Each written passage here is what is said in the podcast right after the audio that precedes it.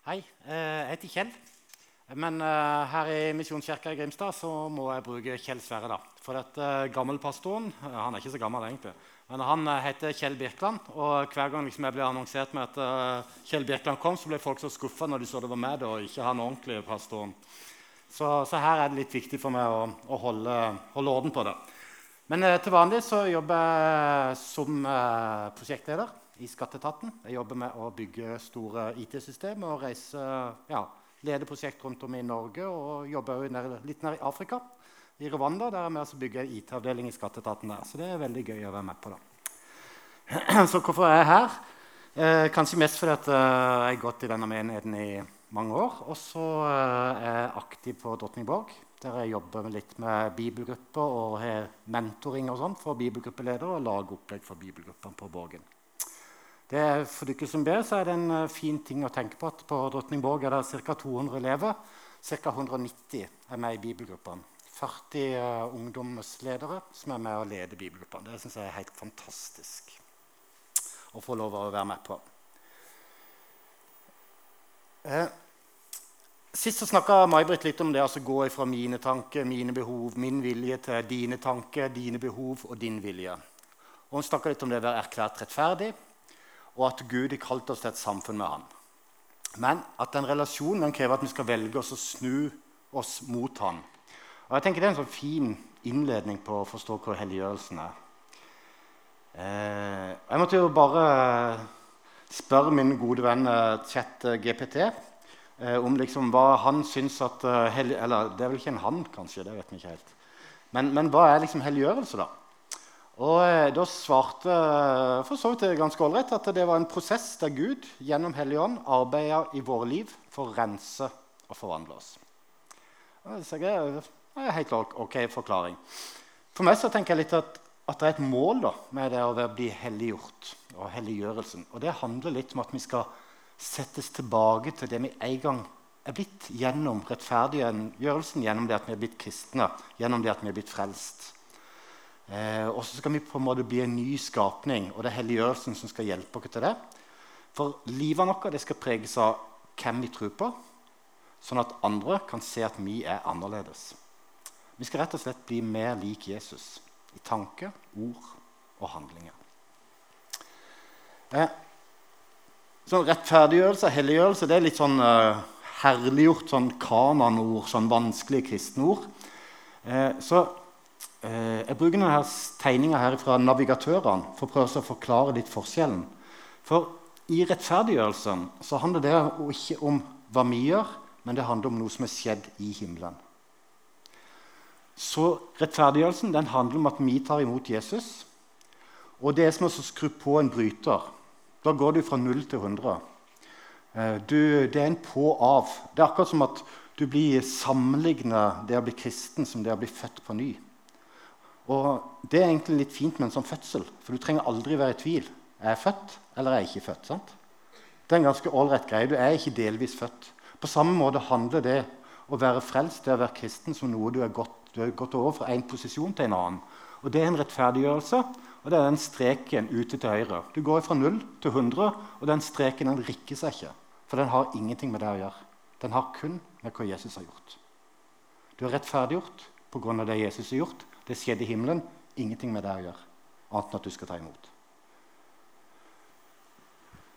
Men den eh, kurva i midten, det er helliggjørelsen. Og det er på en måte kristenlivet vårt som kan svinge fra dag til dag, uke til uke, måned til måned. Og Av og til er vi gode dager, av og til er vi dårlige dager. Eh, men ingenting har rokka med rettferdiggjørelsen. Du er fortsatt like kristen om du føler deg god og ikke vel så god, oppturer, nedturer. Så posisjonen din er ikke forandra, men det du kan oppleve, det du kan føle, og det du kanskje agerer som, det kan være endra som en del av helliggjørelsen. Og så håper vi å tenke at det skal være sånn en utvikling at uh, du blir mer og mer hellig. Du blir mer og mer lik Jesus etter hvert som du blir eldre. Men du vil aldri kunne bli helliggjort fullt ut. Så den pila som går helt opp til topp, den handler enten om at du dør, eller at Jesus kommer igjen og henter deg. Da er du herliggjort. Men helliggjort, perfekt, kan vi aldri bli.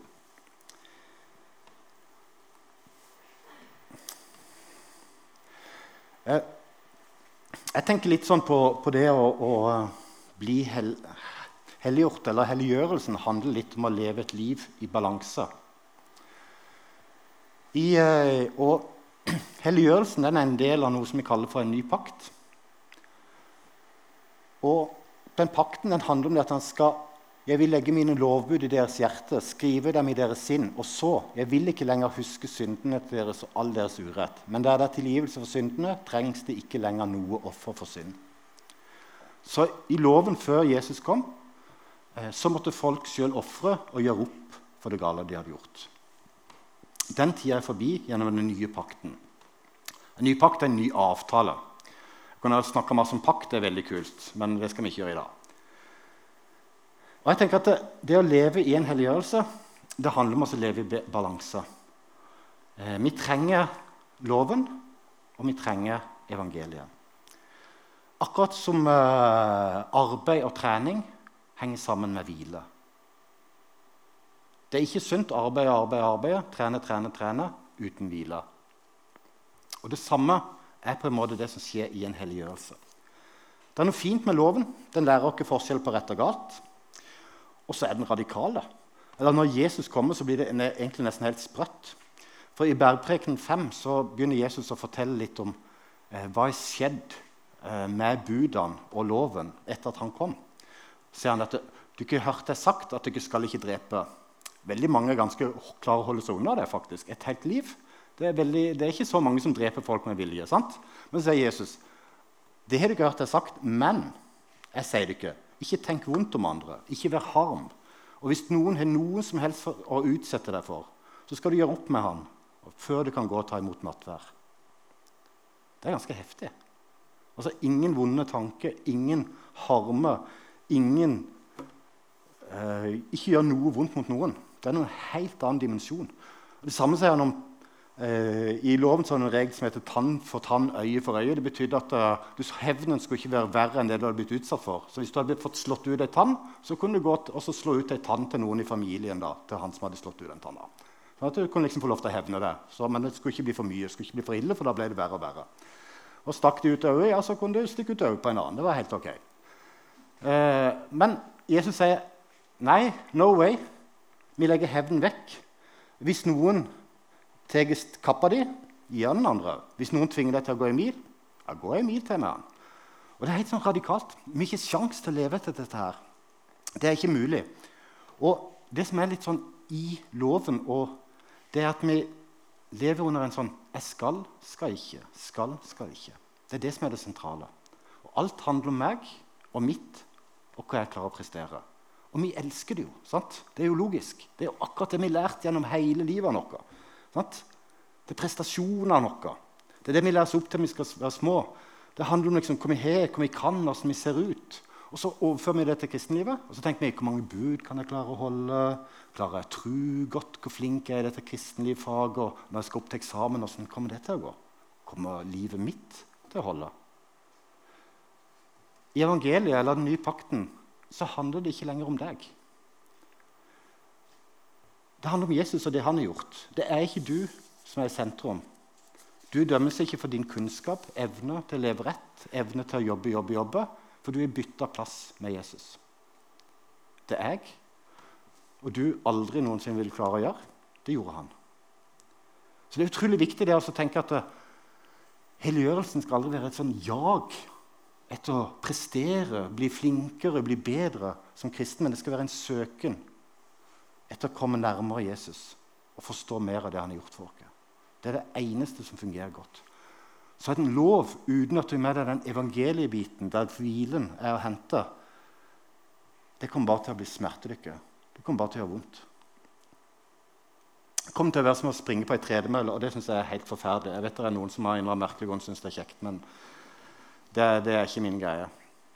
Samtidig er det jo sånn at evangeliet uten en lov Eh, det funker heller ikke godt. Eh, fordi at da begynner å bli et sånn kose-kos-liv eh, der vi ikke har behov for en frelser. Det er Sånn at liksom alt er greit.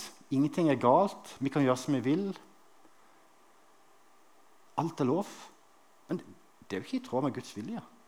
For Bibelen forteller at det å elske Gud er å holde Hans bud. Og nå skal de være skrevet i hjertene våre. For eh, Gud ønsker en forandring av livet vårt.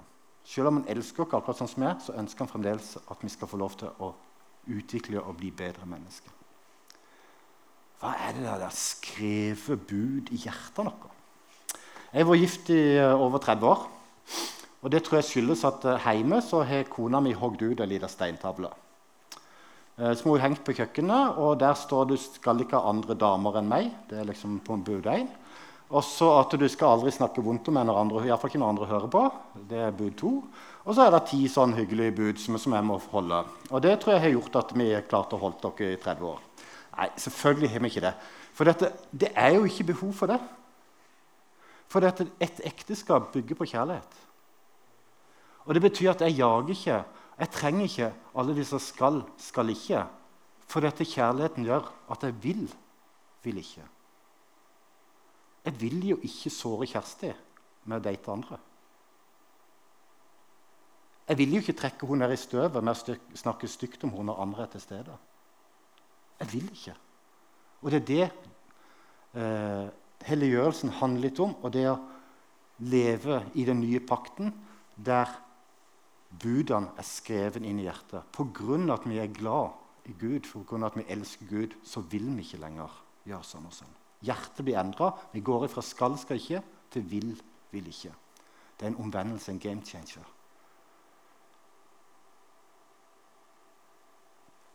Men vi trenger å fortelle både lov og evangelier. Midt inni der så står korset.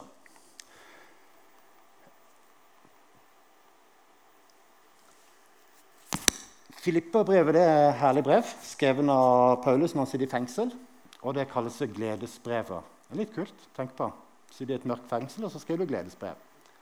Gled dere i Herren alltid. Igjen vil jeg si, gled dere. La alle mennesker få merke at dere er vennlige. Herren er nær. Vær ikke bekymret for noe. Legg alt dere har på hjertet, framfor Gud. Be og kall på ham med takk. Og Guds fred, som overgår all forstand, skal bevare hjerte og tanke. Og så, til slutt, søsken, alt som er sant, edelt, rett, rent, alt som er verd å elske, akte, alt som er til glede, alt som fortjener ros. Legg inn på det. Og alt du ikke har lært og tatt imot, sett og hørt hos meg, gjør alt det. Og så skal fredens Gud være med dere. Og så kommer det litt sånn ut i der favorittverset til mange som de står og vitner om. Alt makter er i ham som gjør meg sterk. Eh, det er bare dette, det verset der står ikke alene. Det verset der skal leses sammen med verset etterpå. Likevel gjorde det meg godt at du ikke sto sammen med meg jeg var i nød.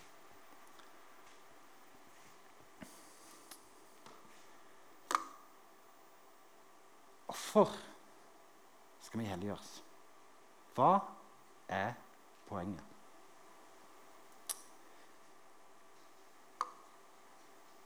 ChatGPT han, eh, eller hun hadde jo tenkt det at eh, det er lurt å si at eh, vi trenger helliggjørelse fordi Gud elsker oss og kalte oss til å være hans hellige folk.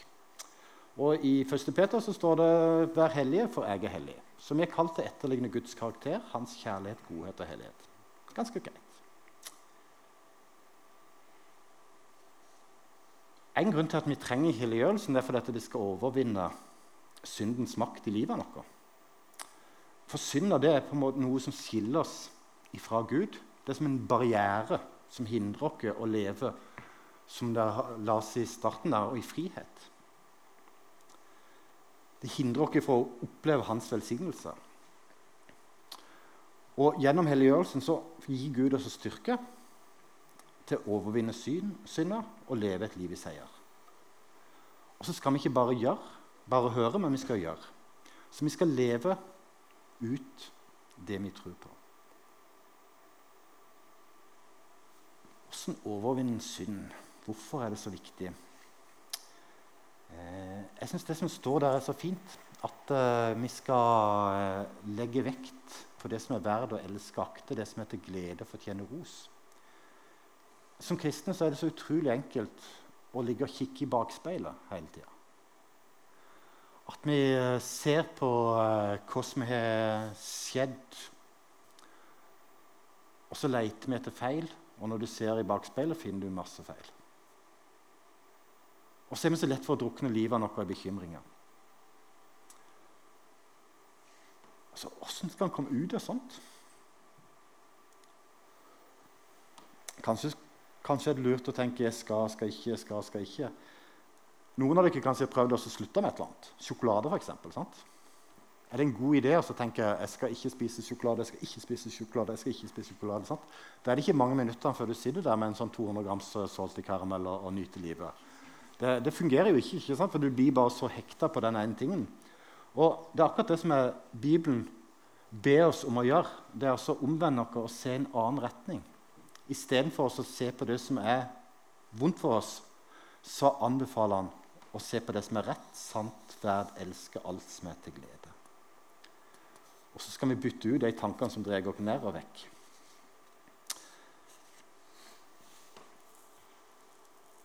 så syns jeg liksom det siste verset der er det er fint å høre når folk vitner og forteller at alt makter i ham som er sterk. Det, det, det, er veldig flott. Det er et fantastisk vers, og det er helt sant for veldig mange. Men allikevel tenker jeg at akkurat i den der eh, kampen og den helliggjørelsen så er det godt å ha en venn. Det er faktisk godt å ha noen å snakke med. Eh, noen du kan være dønn ærlig på og fortelle at uh, 'Jeg fikser ikke helt dette.' Dette greia funker ikke helt for meg. Og Det er det det verset forteller oss. Og så er det noe rart her. Nå er jo jeg sagt at du skal hvile og slappe av i evangeliet og nyte det. Og så står det her 'arbeid på frelsen med respekt og ærefrykt'. Sånn at vi kan være uklanderlige, rene Guds barn uten feil, midt i en vrang, villfaren slekt. Vi skal stråle blant de som stjerner på nattehimmelen når de holder fast på livets ord. Og vi er kjent og lest av alle. Vi er anbefalingsbrev. Noen oversetter det arbeidet med samarbeidet. At vi skal samarbeide med Den hellige ånd for å jeg pleier å si, avdekke skatten som går bedre inni oss. Altså Gjennom å bli kristen, gjennom å få Den hellige ånd, gjennom at Kristus bor i oss, så går vi og bærer på en skatt. Og så sammenligner Bibelen oss med en sånn at vi er sprukne leirkar som eh, inneholder noe verdifullt og av og til får lov til å stråle ut.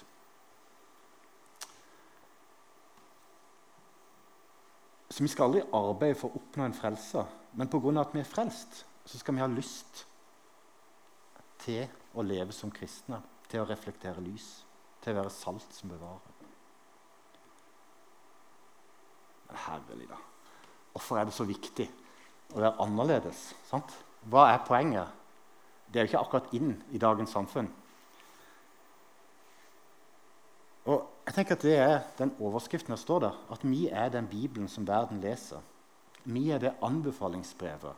Veldig mange av dere venner, familie, har kanskje aldri åpna en bibel. Så det eneste forholdet de har til kristendom, til Bibel, det er å se på dere.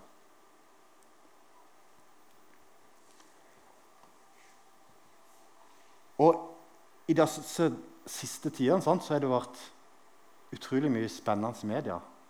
Altså, vi har sett statsråder som uh, gir vennene sentrale posisjoner. Vi har sett politikere som oser og snakker masse om høy etikk. Går også og stjeler solbriller. Vi har aksjehandler som har stått masse sentralt. Og Det er skikkelig stor fall for folk som driver på med dette. Og der tenker jeg at De kristne vi skal være annerledes. Vi skal være heil ved. Vi skal agere på en annen måte. Det betyr ikke at vi er bedre enn andre. Det betyr ikke at vi lever perfekt. Men at helliggjørelsen skal gjøre noe med måten vi lever livet på, og tenke og agere. Vi skal skille oss ut i samfunnet. Er det noe poeng da? En game changer i mitt liv det var en gutt som het uh, Torgeir. Han uh, gikk sammen med han fra første klasse til første år på videregående. Torgeir og meg vi var totalt forskjellige. Jeg begynte å drikke og røyke når jeg var tolv, og levde et ganske heftig liv. Eh, Torgeir var det totale motstykket. Eh, han var den mest patentlige, ordentlige og snilleste gutten som fantes. Gjorde aldri noe galt. Han hadde kort hår, lusekofte ofte. Og var liksom på en måte, sto for noe helt, helt annet. Totalt annerledes. Eh, I eh, vinteren eh, når vi gikk i første gym, så for første videregående, så skulle Torgeir sette ny rekord i lysløypa på ski. Kameratene sto og venta på han. Han kom aldri. Han eh, falt død om i eh, skiløypa. Og jeg skulle, Av en annen merkelig grunn var jeg tillitsvalgt for klassen, så jeg skulle på krans. Så jeg satt langt framme i kirka. Og eh, når jeg satt der liksom, at jeg hadde skrevet talen og tenkte hva jeg skulle si, så plutselig ser jeg en krans som ligger med kista hans. Og så står det 'Konsmo 1319'. Vi skal møtes igjen. Og det var bare sånn game changer, altså. Vi skulle ikke møtes igjen. Hvis det er to utgang på dette livet, her, så er jeg på vei totalt annet sted enn Torgeir.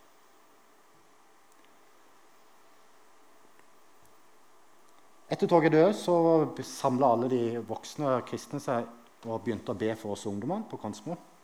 på under ett år så var 70% av ungdommene blitt kristne. Deriblant meg.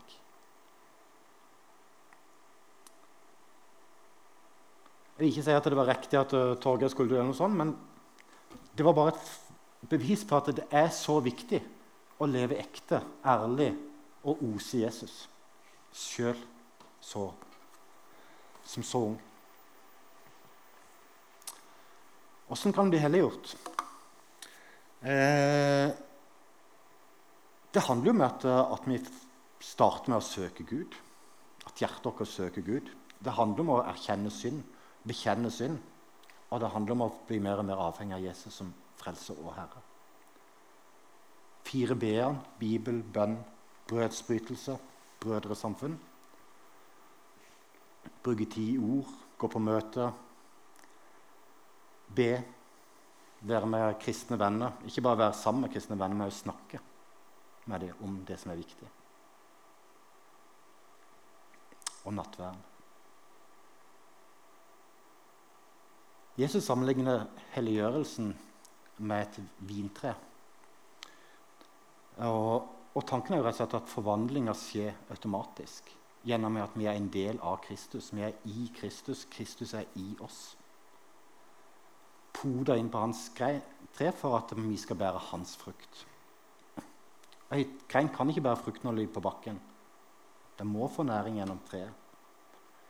Greinen må bli rensa, at vi må plukke vekk noe. Noe som ikke fungerer. Døde greiner må vekk. Hvis ikke så kommer ikke frukten. Og du får den frukten som treet bærer. Er det et epletre, så blir det epler. Med åndens frukt så er det kjærlighet, glede, fred, overbærenhet, vennlighet, godhet, trofesthet, ydmykhet, selvverskelse. Og så er det en prosess som tar tid. Det tar hele livet. Og vi blir aldri fullkomne. Men vi skal vokse i hellighet. helliggjørelsen kan også skje i motgang. Og noen står og vitner flott og forteller om hvor fantastisk det er å møte Jesus i stormen. At han har båret gjennom de, møtt de, løfta de opp. Og så kan du synge 'I praise you in the storm'. sant? Det har jeg ikke opplevd. Jeg opplever at Jesus sover i båten. Rett og slett. Når livet mitt stormer og har det ræva, så ligger han og sover i båten. Det er jeg helt sikker på. Og så sitter jeg igjen med masse mørke, tunge tanker. Tøffe dager. Er det bare meg? Et lite eksempel fra, fra eh, siste tida. Vanligvis vanligvis jobber jeg som prosjektleder eh, og har ansvar gjerne for en 50-70 mennesker som er spredd rundt om i Norge. Eh, og jobber gjerne fire år i et prosjekt før jeg starter på noe helt nytt. Og De siste fire årene har det vært et prosjekt som har vært steintøft. Det har vært noen relasjoner som bare, det har bare ikke fungert. I tillegg så har jeg slitt i noen år med borrelia. Eh, som gjør at ting har skjedd med sinnet mitt og energien min. Så summen av dette her har vært uh, steintøft. Og jeg har vært vitne til maktovergrep, mobbing, stygge, krevende situasjoner der jeg måtte gått inn og ta ganske tøffe tak. Og Samtidig så skulle vi levere eh, mye i det prosjektet innen tøffe tidsfrister. Når prosjektet ble avslutta nå til sommeren, eh, så, eh, så, var det for min del ingen happy ending. Det ødela hele sommerferien min. Jeg gikk av grunner på det. Prosjektet var vellykka, helt perfekt. Eh, rost opp som et av de beste som er gjort gjennom mange år. Problemet var bare de relasjonene og de sporene som vi hadde lagt. Og I enkelte sauer så var det meg som ble den store, stygge ulven. Jeg syns det var helt ekstremt urettferdig. Og eh, ja, egentlig helt feil i mine øyne. Og så hadde jeg jo gjort mine feil. Det er det ingen tvil om. Og hele den tida der syns jeg Jesus var langt unna. Det som er fint med å bli nesten 60 år, det er det at du har vært igjennom noe som ligner før. Og du vet at dette blir bra. Og du kommer til å lære av det. Motgang det skal en lære av, både i jobb og i trossammenheng. Noe som er fint med å få en uh, trøkk uh, på trynet av og til, det er det at du uh, blir minnet på at uh, jeg er ikke Kjell, prosjektleder i Skatteetaten. Jeg er Kjell, barn av Gud. Samtidig så lærte jeg òg noe annet viktig. Det ene det er jo at det som før var viktig, det er ikke lenger så viktig lenger. Og, men så handler på en måte helliggjørelsen om et jag fram mot å gripe noe pga. at en er grepet av Jesus. Og det er én ting som er utrolig viktig. Jeg glemmer det som ligger bak, strekker meg etter det som er foran. Jeg jager mot målet. Og så langt vi er kommet, fortsett samme spor. En viktig ting jeg lærte av denne greia her, det var at det er så utrolig viktig å ha det vi kaller for keep accounting. Ikke legg deg og sov uten å ha gjort opp, blitt ferdig med ting og lagt av deg. Jeg vet ikke om det hadde gjort jobbsituasjonen min bedre. Men det hadde betydd så utrolig mye for meg at istedenfor alt sinnet og fortvilelsen over de relasjonene hadde fått lov til å bygge seg opp inni meg og ødelagt fryktelig mye inni meg, så hadde jeg iallfall kunnet lagt det fra meg. Så det hadde ikke ødelagt meg sjøl. Jeg tror dette er utrolig viktig i mange situasjoner. I forhold, ekteskap, familie, venner, relasjoner på jobb. Men òg i forhold til synd og skam. Akkurat som noen syns det er deilig å gå og fortsette å bære byrdene sjøl. At vi skal gå liksom og, og, grunne og kose oss litt med synd og skam. Akkurat som vi ikke stoler på at Jesus han har jo gjort opp dette for oss. Vi skal ikke la fortida prege oss. Vi skal ikke la fallene prege oss.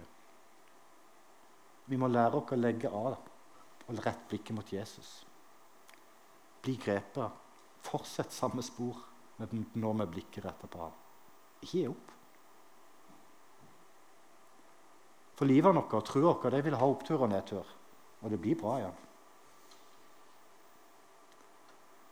Og så sliter vi med synd.